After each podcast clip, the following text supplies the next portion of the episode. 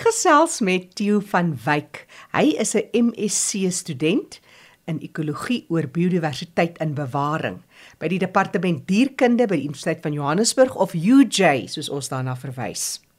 Theo, jou studieleier is Dr Matthew Bird. Sy vakgebied is ekologie van varswater akwatiese habitatte en hulle bewaring en dit is juis waaroor julle navorsing gaan. Gee vir ons so 'n bietjie agtergrond waar dit plaasgevind en so meer.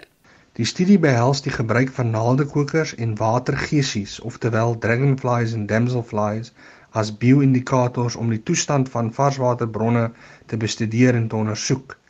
Dit vind plaas by die Magaliesberge in die Noordwes provinsie van Suid-Afrika by die dorpie Mooinooi waar twee stroompies die Maritelwane en die Sterkstroom in die berge sowel as die laagliggende dele vloei. Die rede waarom ons hierdie studie doen is eerstens omdat ek self entomologie op universiteit as hoofvak gehad het wat die tipe studie makliker maak vir my want dit behels die ekologie en identifikasie van insekte. Tweedens, die belang van die studie is bydraend tot die welsyn van Suid-Afrika se varswaterbronne. Suid-Afrika is 'n waterskaars land en die studie bepaal die huidige toestand van die kwaliteit van riviere in die Noordwes provinsie wat sekerlik vergelyk kan word met ander studies en uitkomste van ander plekke en ook lande. Tieu, dit klink vir my na 'n baie lekker uitstappie van so 'n groep studente om veldwerk te doen. Vertel ons van die spesies wat jy waargeneem het en van die logistiek, hoe het julle dit alles gedoen gekry? Ons het tans ons eerste opname gedoen en ons het in 'n span van 5 mense saamgewerk. Ander studente wat ook besig is met hul MSc het ander veranderlikes oor die orde Odonata bepaal, soos die hoeveelheid larwes in die riviere en die mate waartoe hul mikroplastiekpartikels opneem en hoe dit die orde beïnvloed. Ons het elke aand laatmiddag by die huis gekom waar ons vinnig te werk moes gaan om die dag se data aan te teken wanneer hulle 10:30 die aand um, die krag afgesny. Dit was nie primitief nie, maar dit het veroorsaak dat ons op ons hoede moes wees en effektief vir elke dag moes beplan. Toe ek by die Magaliesberge opdaag, was ek verbaas oor hoe divers die orde Odonata nog daar is. Ek woon in Johannesburg en die diversiteit is nie vergelykbaar nie. Daar is ook nie enige skaars spesies wat by die Magaliesberge voorkom nie. My dosent het vir my gesê ek moet die, die nuutste Odonata app aflaai en tot my verbasing met ons eerste opname het ek 'n naaldekoker spesies gekry wat nie op die app van die Magaliesberge is nie. Die naaldekoker is nou wel nie skaars nie, maar hy is nog nie daaraan geteken nie. Die ander MSc studente se data-insameling het ook vlot verloop. Dit was baie interessant om die vir die eerste keer ook die volle diversiteit van ongewerveldes in die riviere te sien deur met nette die banke en bodems van die riviere te ondersoek.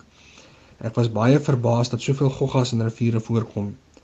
Die instrumente wat die ander ekoloë gebruik het om ekologiese veranderlikes te bepaal was ook baie insiggewend geweest en ek het ontdek dat ekologie nie maklik is nie, dit is baie harde werk omdat die orde Odonata baie goed bestudeer is en vir baie ekologiese doeleindes gebruik word, was dit moeilik om nuwe idees daaroor te bekom.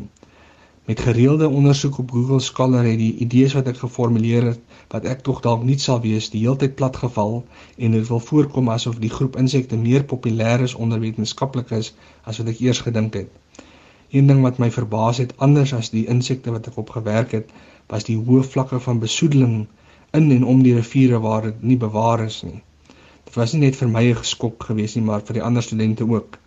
Die studie wat ek doen is nog aan sy beginstadium, so dit sal baie interessant wees om te weet of die ander data insamel uitstappies um dieselfde resultate sal oplewer en dit is ook belangrik dat dit so is, anders kan ek nie statisties bewys dat besoedeling 'n definitiewe negatiewe rol speel in akwatiese habitatte nie.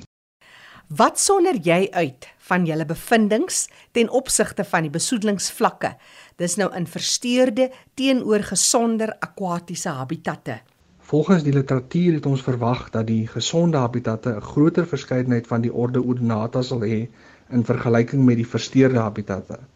Met die eerste data-opname het die resultate ook so oorgekom en was ek baie opgewonde oor die feit dat ons die impak van besoedeling kan bewys. Met die analise en die verwerking van die data het daar egter 'n probleem ontstaan.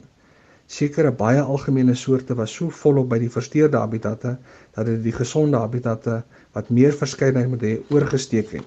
So die algemene spesies by versteurde habitatte het die data beïnvloed op so 'n wyse dat daar meer Odonata getalle was by versteurde habitatte.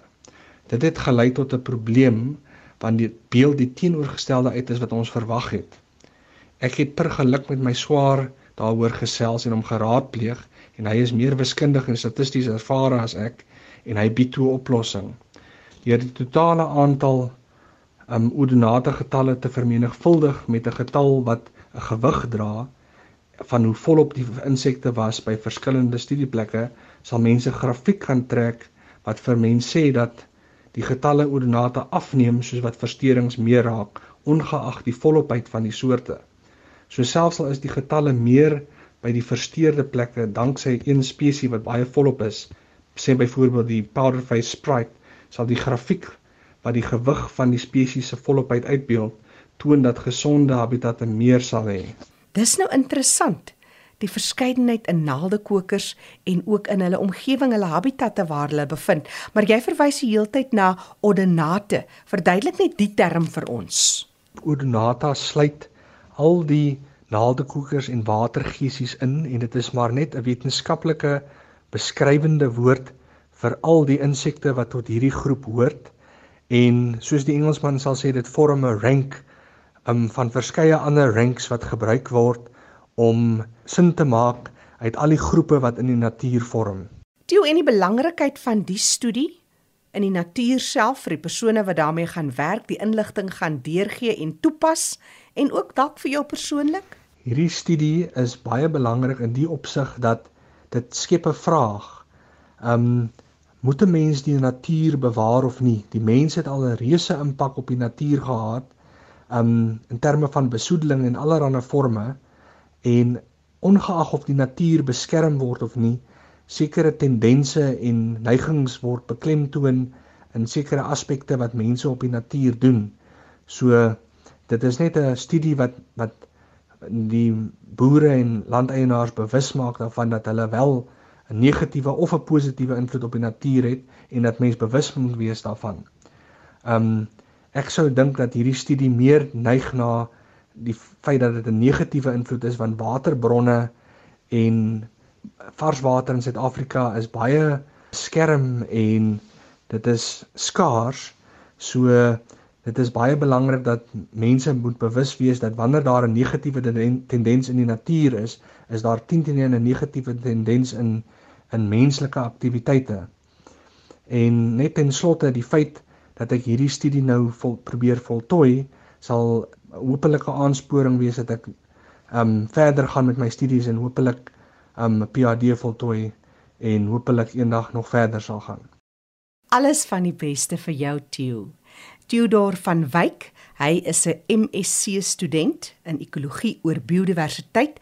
Dis by die departement dierkunde UJ en hy het vertel van hulle besondere navorsing en dit gegaan spesifiek oor die gebruik van naaldekoker diversiteit om te bepaal hoe besoedel 'n rivierstelsel is. Ek is Jackie January. Groete tot 'n volgende keer.